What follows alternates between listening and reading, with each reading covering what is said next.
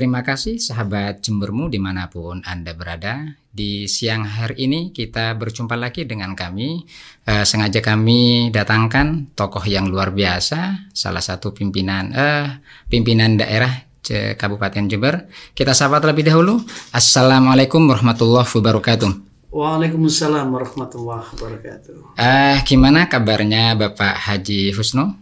Alhamdulillah siang ini baik dan hmm. bisa untuk hadir di podcastmu hmm. sebagai ikhtiar kita untuk menambah uh, persahabatan dan juga menambah wawasan ya dalam hmm. menjalani hidup yang memang uh, banyak ragam tantangan yang ada dalam. Nah, betul.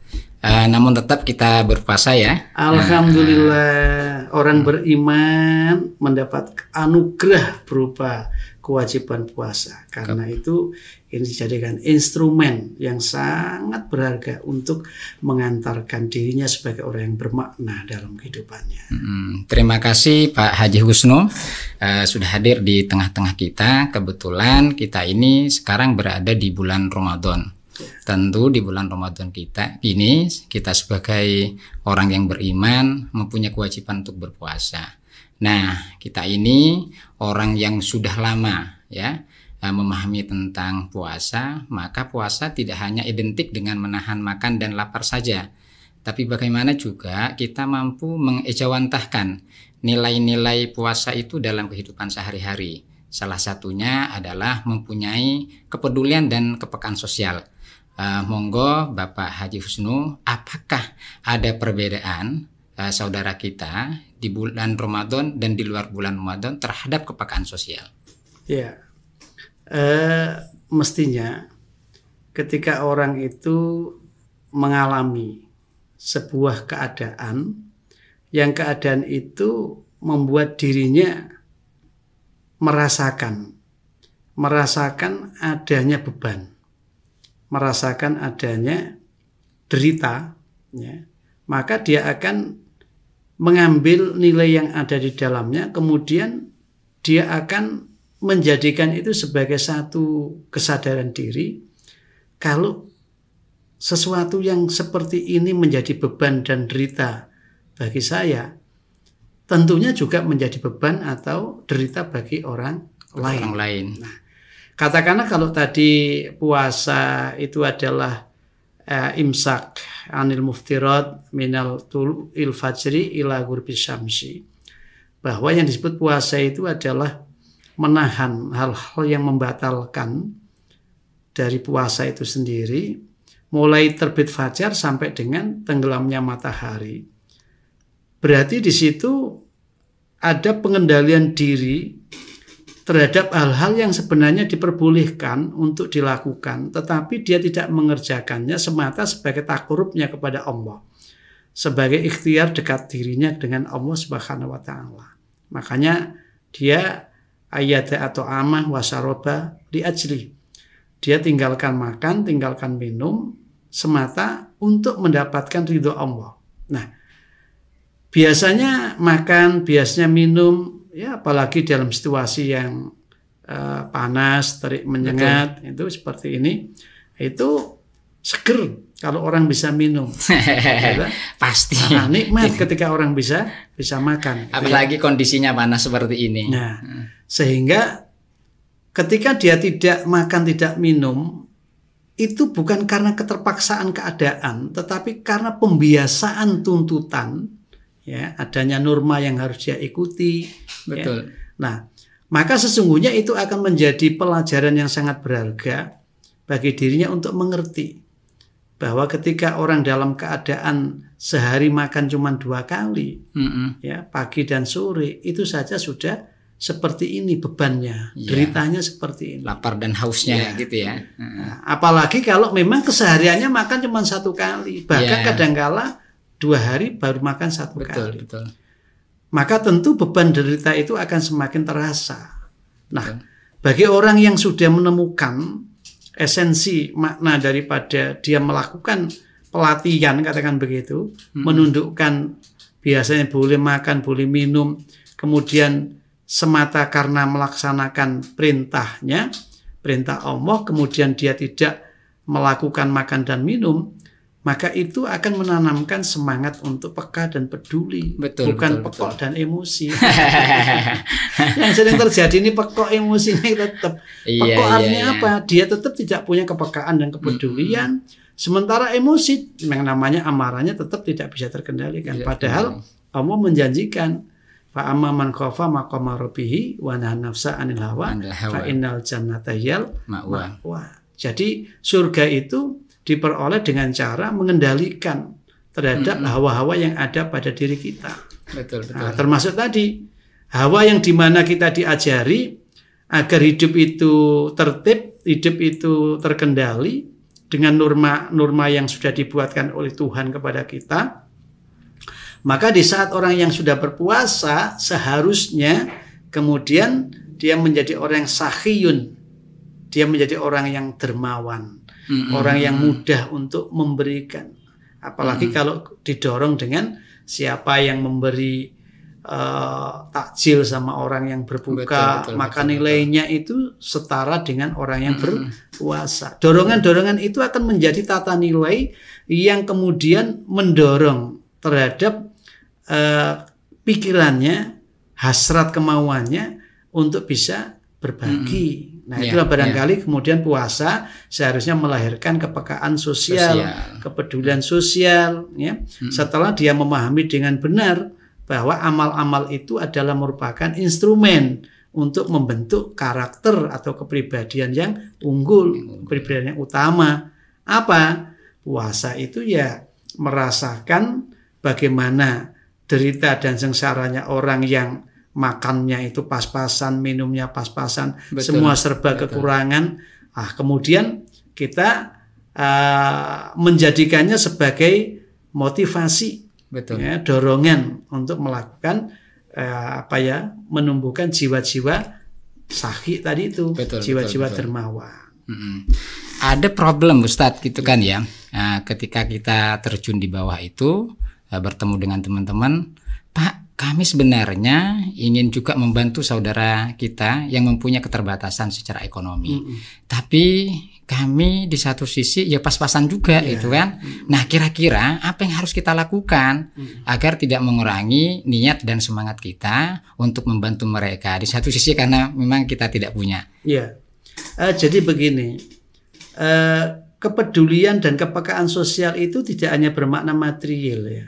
Begitu ya. Makanya kalau kaitannya dengan materi itu wayas alunaka madayin fikun kulil afwa. Kul afwa. Nah, jadi eh, apa yang bisa kamu sisihkan dari sebagian rizki yang kau terima sebagai infak, sebagai belanja atau wujud kepekaan kepedulian pada sama, jawabnya adalah sekedar kelebihan yang kau punya. Mm-mm. Jadi sekedar kelebihan yang kau punya itu ya kalau di dalam hadis itu diceritakan kalau kamu itu eh, memasak makanan kemudian baunya itu sampai tercium oleh tetanggamu ya maka perbanyaklah Iya. air kuahnya gitu ya. Biar dapat juga gitu ya. Kemudian berbagilah dengan apa yang kau sedang nikmati itu kepada tetangga yang mendapat bau tadi. Iya, ya. iya, iya. Nah, itu artinya apa? Artinya memang eh, tuntutan untuk bisa memberi itu tidak tidak harus eh, banyak, Betul, Nah, betul. tidak betul. harus banyak, Eh, tidak harus banyak, tetapi sekedar kelebihan yang bisa ia berikan. Atau kalau di dalam hadis yang berbeda itu Nabi menyebut takutlah kamu dengan neraka walau dengan separuh biji kurma. Nah ini Separuh biji Separuh kurma biji ya. kurma. Artinya Jadi- tidak harus banyak ya. Iya, kurma itu oh ya biji tunggal kan, kemudian itu dipotong menjadi dua, sebagian diberikan kepada orang, sebagian dikonsumsi sama dia. Nah, itu bisa untuk menghalau, menghadang dari sentuhan api neraka. Kenapa? Karena kepekaan itu ada, kepedulian itu ada. Bukan masalah banyak dan sedikitnya, Mm-mm. tetapi rasa empati, simpati, kemudian menjadi peduli peka, bertaawuninya, Betul. saling gotong royong, ini menjadi penting. Ya, Mm-mm. menjadi penting. Nah, tadi saya katakan bahwa eh, dimensi sosial itu tidak hanya ber- berkarakter atau bersifat material saja, ada yang Betul, sifatnya betul. imaterial. Apa itu? Orang yang berpuasa itu seharusnya laku sosialnya itu lebih terdidik, Mm-mm. ya, lebih terarah gitu ya. sehingga tidak gampang emosi, tutur katanya menjadi indah, penuh makna, ya toh? Uh, makanya kemudian uh, di dalam Quran itu kan ada yang menyebutkan bahwa qaulun ma'rufun khairun min sodakotin yatba'u adha. Yatba'u adha. Jadi uh, kata-kata yang bagus, kalimat-kalimat yang indah, yang menenteramkan, yang mensupport orang untuk melakukan kebaikan, itu jauh lebih baik daripada sedekah yang hmm. berupa materi tetapi menyakitkan. diikuti dengan menyakitkan kepada penerimanya. Nah, Betul. maka ketika puasa itu sebagai jalan untuk mengantarkan orang memiliki kesolian sosial, kepekaan dan kepedulian sosial itu tidak hanya dimaknai dari sisi material saja, betul, tapi betul. juga harus dimaknai dari sisi yang imaterial tadi. Betul, betul, betul. Sikap lakunya semakin santun, semakin sopan, semakin luwes, ya kan? semakin lembut ya. betul betul bisa untuk mendengar dengan baik tidak gerusa gerusu tidak. Gitu ya tidak salbut ya yeah, yeah. Nah, itu bagian daripada orang yang memiliki pengendalian emosi yang luar biasa hmm. Dan itu jalan di antaranya adalah melalui ibadah puasa nah, baik terima kasih Ustadz nah ini sekarang uh, bermunculan kelompok-kelompok kecil atau organisasi-organisasi tertentu. Kemudian uh, menghimpun kemampuan dari orang-orang uh, yang kaya. Uh, mereka kemudian mendistribusikan kepada yang lemah. Ini adalah salah satu cara menurut kami itu Ustadz itu kan ya. Uh, di samping bagi orang yang mampu mungkin secara pribadi dilakukan, tapi ini kan secara organisatoris atau secara kolektif dilakukan bersama-sama secara berjamaah. Nah, kalau melihat tanda-tanda seperti ini, ini kan banyak sekarang Ustaz tidak hanya dilakukan oleh organisasi sosial keagamaan, tapi juga dilakukan oleh komunitas-komunitas sepeda motor, komunitas-komunitas sepeda ontel, atau komunitas apa pun namanya. Nah, melihat gejala-gejala yang akhir-akhir ini tumbuh seperti itu, kira-kira eh, apa namanya pendapat Pak Ustadz gimana? Iya, jadi kalau kita itu merenung dan bertadabur mengenai keberadaan diri kita, kehadiran diri kita. Kemudian kita itu sedikit bertafakur mengenai tujuan yang hendak kita capai dalam hidup kita. Mm -hmm. Maka dengan sangat mendasar manusia menemukan jawaban kehadirannya itu adalah untuk kebaikan orang. Iya, yeah. ya. Jadi untuk kebaikan orang, untuk kemaslahatan orang. Nah, orang dimaknai ada karena manfaatnya. Betul, betul. Nah, karena manfaatnya. Orang di, dianggap tidak pernah ada walaupun dia ber apa bertahun-tahun ada karena memang dia tidak punya manfaat di tempat betul. itu. Nah, maka kalau kita melihat seperti itu kita bersyukur ada kesadaran yang mulai tumbuh di komunitas-komunitas masyarakat kita untuk merenungkan mengenai sisi-sisi spiritualitas. Betul, betul. Ya. Apalagi kalau ditambah dengan berpuasa. Mm-hmm. Maka kejernihan akalnya, keheningan jiwanya, mm-hmm. kemudian apa ketenangan gejolak nafsunya betul. itu bisa terkendali, maka dia menemukan potret diri yang utuh. Betul. Mengenai apa yang semestinya kita lakukan, apa yang semestinya dikerjakan ya sebagai cerminan hmm. bahwa uh, kita adalah hadir itu ada menghadirkan dan kita ini melalui proses perjalanan menuju satu titik tujuan yang disebut dengan innalillahi wa inna ilaihi rajiun tujuannya ya kembali kepada sang iya, pencipta iya. kita itu akhir ya, ya. jadi kembali nah, ya. jadi uh, saya melihat bahwa kelompok-kelompok atau komunitas-komunitas yang sudah mulai tumbuh jiwa kemanusiaannya itu tadi itu akan lebih dahsyat lagi ketika pembiasaan-pembiasaan puasanya itu terhayati dengan mendalam dan utuh.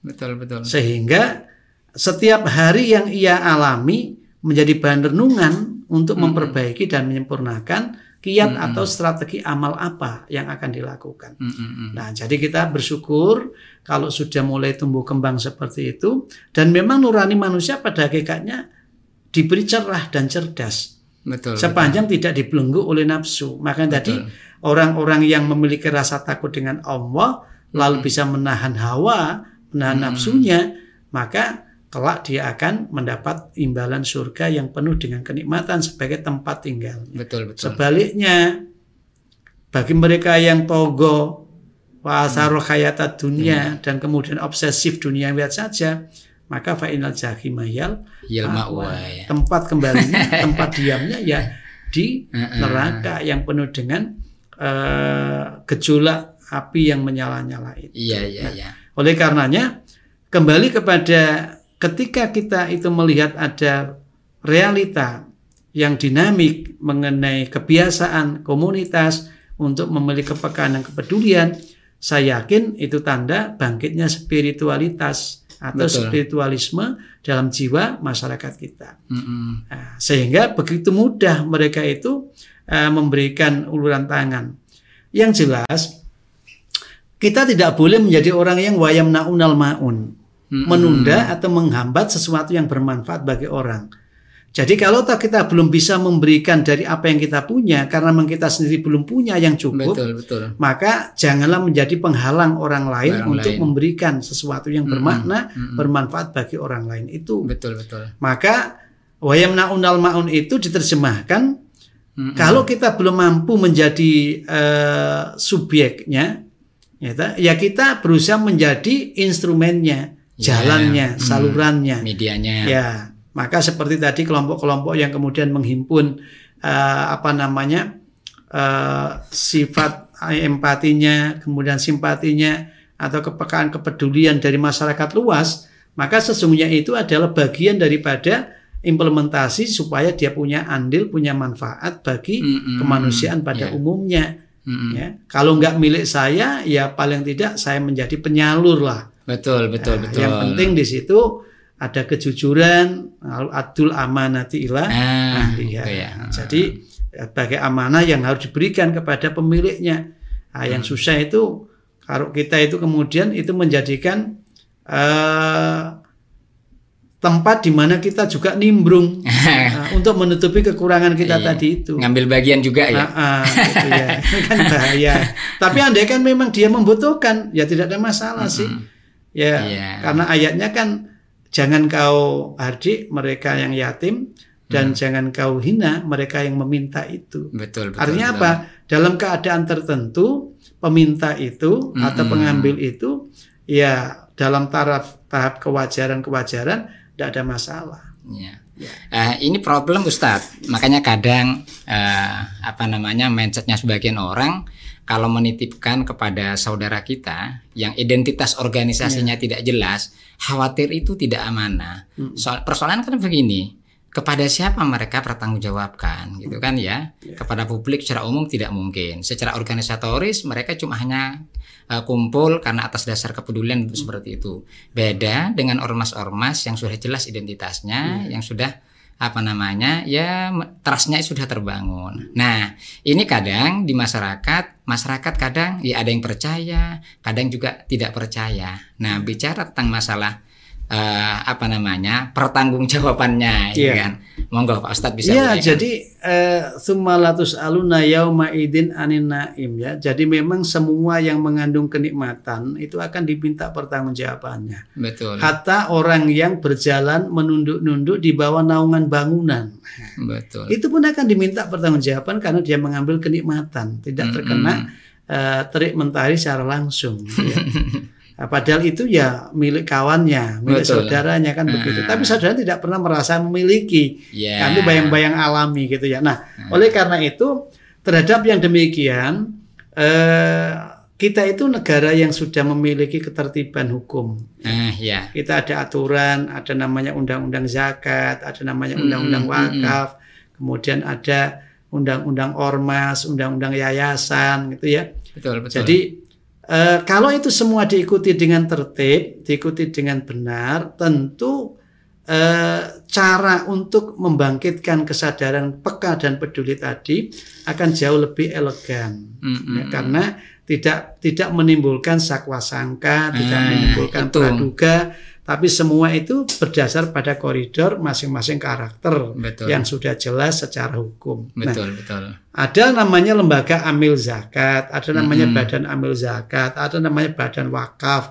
dan Mm-mm. seterusnya. Nah, oleh karena itu Saya mengapresiasi kelompok-kelompok kecil tadi yang kemudian bergerak untuk memberikan apa ya uh, kepekaan kepeduliannya, Betul. bahkan siap menjadi saluran jalan hmm. bagi mereka yang uh, ingin untuk menitipkan amanah kepedulian kepekaannya kepada sesama. Nah, tetapi lagi-lagi akuntability, keterpercayaan, kemudian transparansi, keterbukaan juga menjadi penting. Betul, betul. Ya, karena di kulit nikmatin maksudun. Pepatah mengatakan setiap yang mengandung kenikmatan ada potensi untuk Ya. diiri atau didengki. Maka kita melihat ada uh, pada saat tertentu ya itu ada uh, kasus di mana penerima penyalur daripada uh, dana seperti itu bisa diperkarakan melalui jalur hukum. Nah, kita tidak ingin janganlah kamu makan harta di antara kamu Betul. dengan cara yang batil dan kamu bawa ke ranah hukum. Nah, ini kadang kala orang itu karena negara kita negara hukum dulu dulu hukum yang didekatkan. Padahal hukum yang dimaksud itu ya ta, kalau hukum yang dibikin manusia diputuskan oleh manusia ya menyelesaikan masalah tapi selesainya sampai kemanusiaan itu aja. Iya, iya, iya, iya. Kenapa tidak pakai hukum yang Tuhan berikan kepada kita? Apa? Atil amanah ila ahliya misalkan. Oke lah pakai konsep kita itu kalau menerima amanah ya harus berikan kepada penerimanya gitu ya. Tidak kemudian eh, terkurangi sedikit pun. Nah, kalau memang butuh biaya menyampaikannya ya sampaikan kepada pemberi amanah. Betul, betul. Pak, ini untuk sampai kepada mustahiknya kami butuh biaya Betul. operasional. Nah, monggo dibantu biaya operasionalnya berapa. Betul, betul. Itu jauh lebih elegan Hmm. gitu ya. Karena memang amanah itu harus diberikan kepada penerimanya apa adanya. Tidak Iya, iya. berkurang juga tidak berlebih seperti Hmm. amanah itu sendiri. Nah, jadi kalau ada kelompok-kelompok kemudian melakukan ya kayak kayak sekarang ini penarikan-penarikan ya, Mm-mm, iya. yang ada di jalan. Betul, itu betul. sebenarnya eh, kalau kita menggunakan tertib hukum, insya Allah eh, kehidupan kita tidak sampai terjerembab kepada hal-hal yang minimal subhat. Ya. Karena tidak Hmm. ada akad di dalam eh, penggunaan penerimaan tadi itu. Mm-mm. Ya, kita dorong ada namanya lembaga-lembaga yang sudah resmi berbadan hukum, yaitu kita optimalkan Ya, di dalam eh, me- penggunaan sebagai instrumen Hmm. kepedulian dan kepekaan kita kepada sama. Betul, betul. Mm. Insya Allah itu jauh lebih uh, menenteramkan. Fasoli Ya. alaihim inna sholataka sakun lagum. Ya. Doanya mereka pun akan memberikan ketenangan kepada kita dan orang-orang yang bisa untuk tumbuh peka dan peduli kepada samanya. Ya, baik Ustadz. Eh, kalau tadi lebih banyak kepada instrumennya, sekarang ini kepada subjek atau muzakinya. Ya. Nah, eh, di sekitar kita kondisi ekonominya bervarian.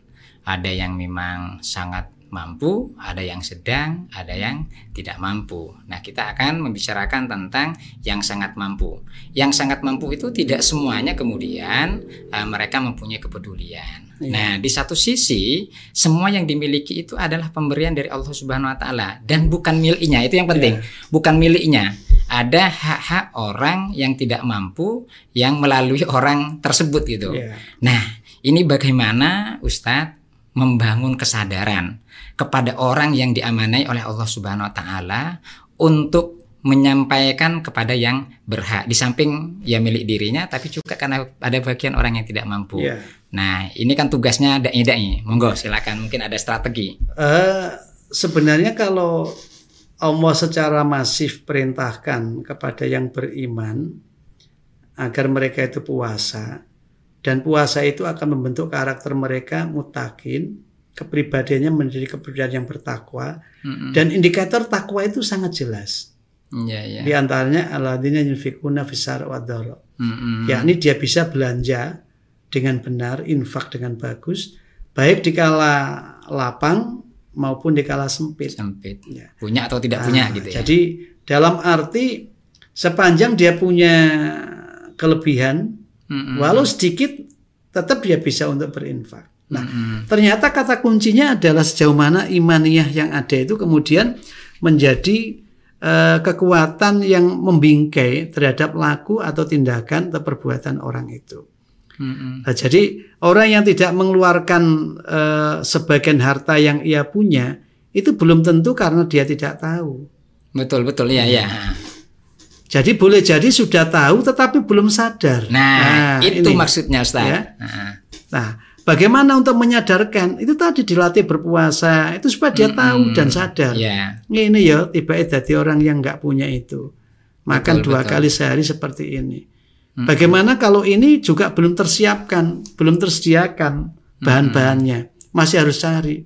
Itu sudah tinggal tinggal ngelola itu aja sudah seperti ini, gitu ya. Nah, maka pelatihan Ramadan yang masif ini diharapkan mampu untuk menumbuhkan jiwa-jiwa kesadaran tadi itu. Mm-mm. Nah, kalau tidak, kemudian ditanamkan bahwa apa yang dia simpan, apa yang dia tahan, Mm-mm. itu sebenarnya adalah bukan yang akan menyenangkan dan membahagiakannya. Mm-mm. Jadi misalkan dia karena medit atau cerai ya, atau bakhil, Ya.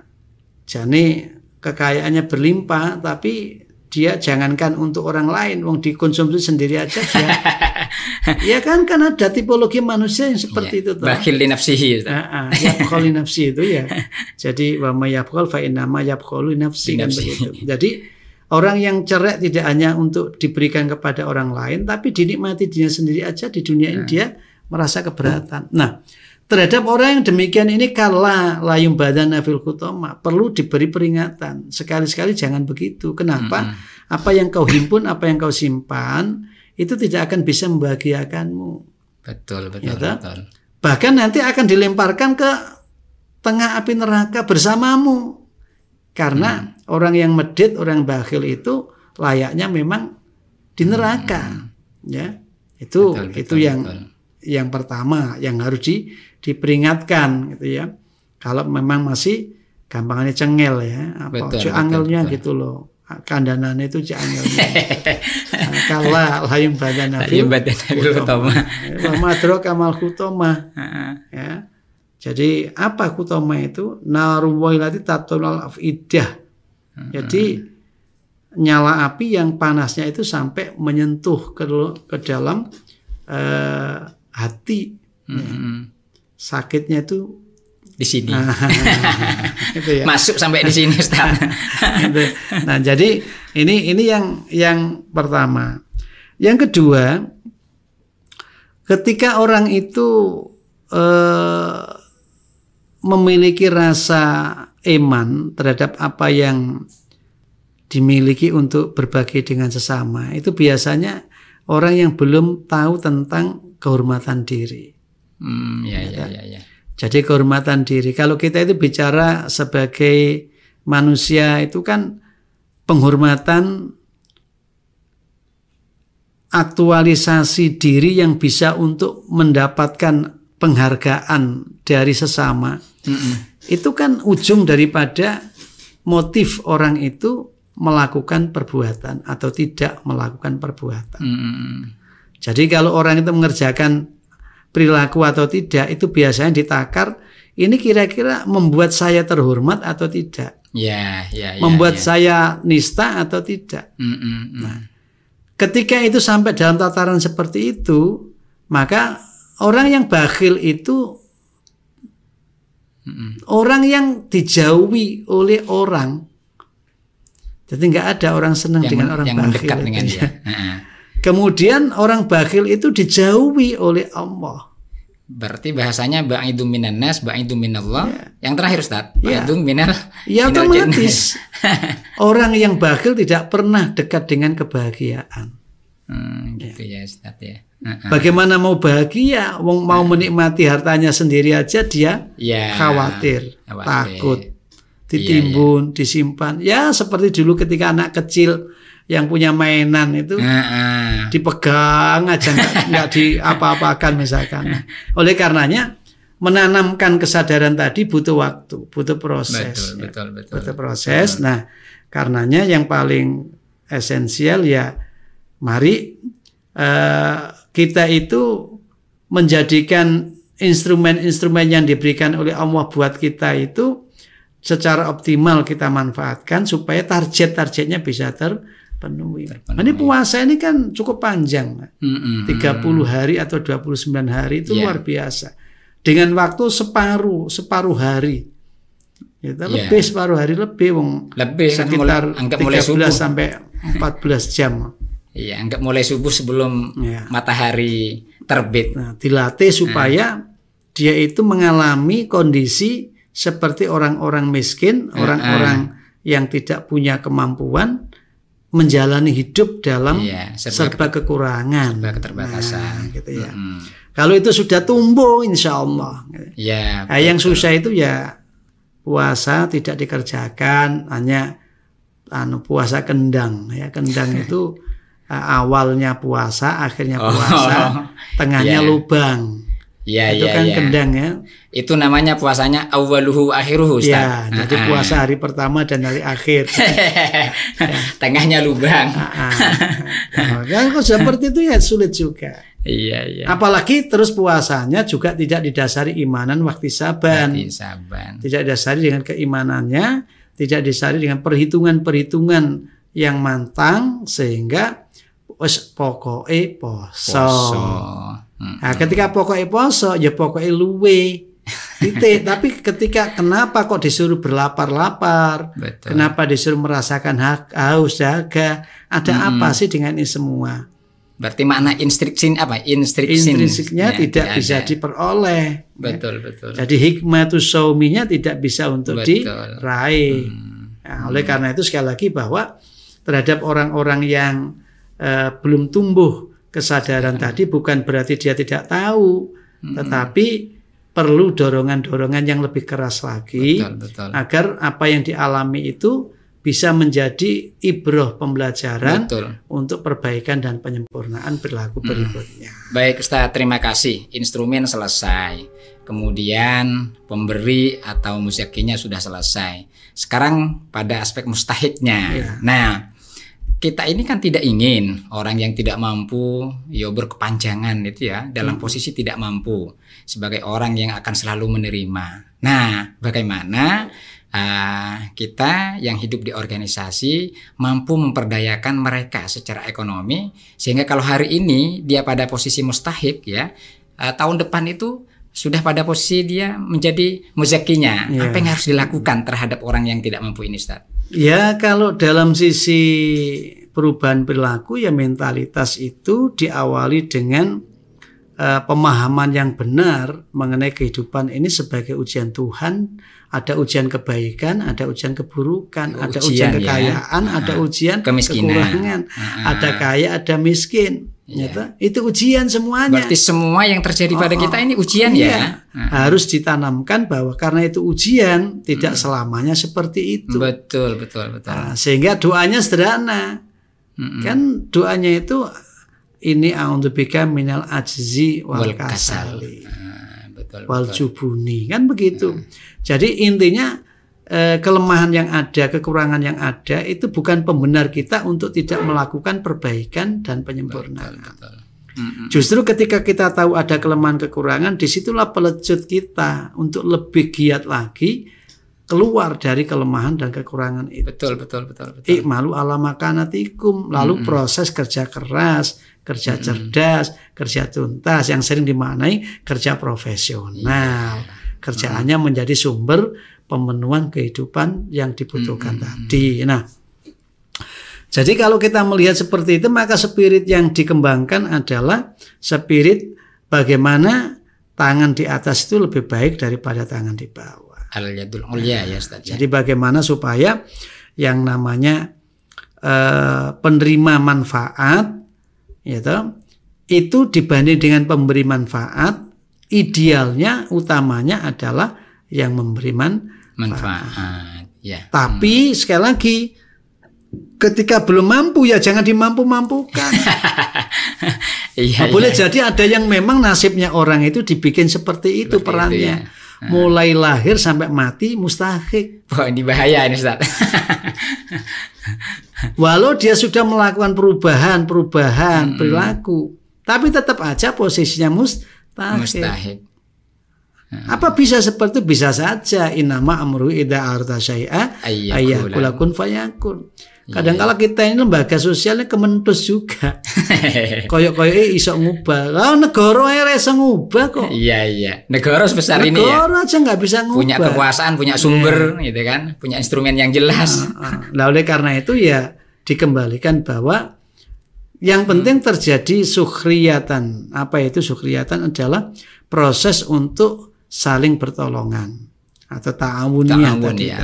ya. Sehingga kekurangan kelemahan itu tidak dijadikan untuk silang sengketa, tetapi dijadikan untuk memadu. Mm-mm. Sehingga dirajut menjadi potensi, menjadi kekuatan Mm-mm. yang dengannya lalu lahirlah khaira ummah itu. Betul. Jadi betul, umat terbaik itu pengertiannya bukan hanya umat yang memberi saja, betul betul. tetapi ada umat yang di situ bagiannya untuk menerima gitu. ah, gitu ya. Iya, Nah, iya, ada iya. keseimbangan, ada harmonisasi. Mm-mm. Mana yang memberi tidak merasa lebih hebat daripada yang menerima, mana yang menerima tidak berputus asa dari apa yang dia di, di- Iya, iya. dilakukan dijalaninya. Mm-mm. Ya. Jangan dikira orang itu kemudian eh, kayak bim salah bim sekarang jadi mustahik besok jadi muzaki besoknya lagi jadi mustahik Eh, boleh jadi kejadian seperti itu bisa bisa saja Betul betul Ya. betul. karena itu kita tidak perlu terlalu eh, mendramatisasi lah Betul. peran kita sebagai yang mustahik atau peran kita sebagai yang muzaki, Ya, atau munfik atau musodiknya Betul. Ternyata tidak usah. Yang penting kehidupan ini harus berjalan harmoni. Ketika Betul. hubungan dengan Allah itu mesra, hubungan dengan sama itu selaras, serasi, seimbang. Seimbang. Insya Allah Ya. gitu. Mm-mm. Terima kasih Ustadz. Ini tuntas ya. Mulai dari muzakinya, instrumennya, kepada dan kemudian terakhir mustahidnya. Nah, itu makanya puasa itu akhirnya itu adalah zakat al-fitri. Mm-mm. Zakat al-fitri itu artinya mengeluarkan sebagian makanan. Betul. Mm-mm. Ya makanan itu kuta baladi, makanan asli yang dikonsumsi sehari-hari. Iya makanan pokoknya. Siapa pun yang masih hidup, bernyawa, bernafas, Betul. Mm. ya toh, sepanjang dia itu beriman, maka dia wajib Mm-mm. mengeluarkan atau dikeluarkan zakat al-fitrinya. Zakat al-fitrihnya ya. Dan itu untuk mensucikan, membersihkan orang yang berpuasa dan memberi makan kepada orang yang miskin. Miskin tidak mampu. Jadi kalau kita mau jujur, ketika orang puasa, kenapa ujungnya puasa itu ada zakat Hmm. al-fitri? Bahkan ketika zakat al-fitri itu dikeluarkan melampaui daripada sholat idnya, itu dianggap sedekah biasa. Hmm. Sedekah biasa. Karena ha, betul. sesungguhnya puncak kepribadian mutakin yang diharapkan melalui puasa itu adalah yunfikuna fis sarra wad dharra ya. wal kadhimina ghaidha wal wal afina afina anin anin nas. Nah, Tuntas Ustadz. Nah, Terakhir sebagai closing statement, ah, tentu Pak Ustadz ini mempunyai harapan-harapan ke depan, baik kepada muzakinya, kepada apa namanya ah, mustahidnya. Monggo sebagai closing statement. Ya, pokoknya nek kabeh poso, muzakine poso, mustahiknya poso, munfiknya poso, insya Allah. Jiwa ta'awun itu yang paling pokok harus ditumbuhkan. Betul. Jadi saling memberi, saling menerima itu sesuatu yang wajar dan lumrah. Sehingga tidak ada kelas terbaik dari dua yang dibedakan tadi itu. Sepanjang puasanya benar. Iya, iya, iya, iya. Tergantung mari mumpung masih ada waktu puasa ini kita tekuni, kita jalani dengan imanan waktu sabar. Mm-mm. Dengan penuh perhitungan semata untuk menemukan ridho Allah itu di bagian mana Betul, dari betul. amal-amal ibadah kita ini. Terima kasih. Iya. Eh, terima kasih Pak Haji Husnu telah berbagi ilmu, telah berbagi pengalaman. Mudah-mudahan ini menjadi referensi bagi perjalanan hidup kita untuk eh, apa namanya mempunyai kepedulian sosial bahwa hidup ini tidak sendiri. Hidup ini ada saudara kita, mulai dari yang mampu, tidak mampu, yang semuanya harus berkolaborasi sehingga kehidupan ini menjadi utuh. Eh, terima kasih pemirsa, sahabat Jembermu di mana pun anda berada.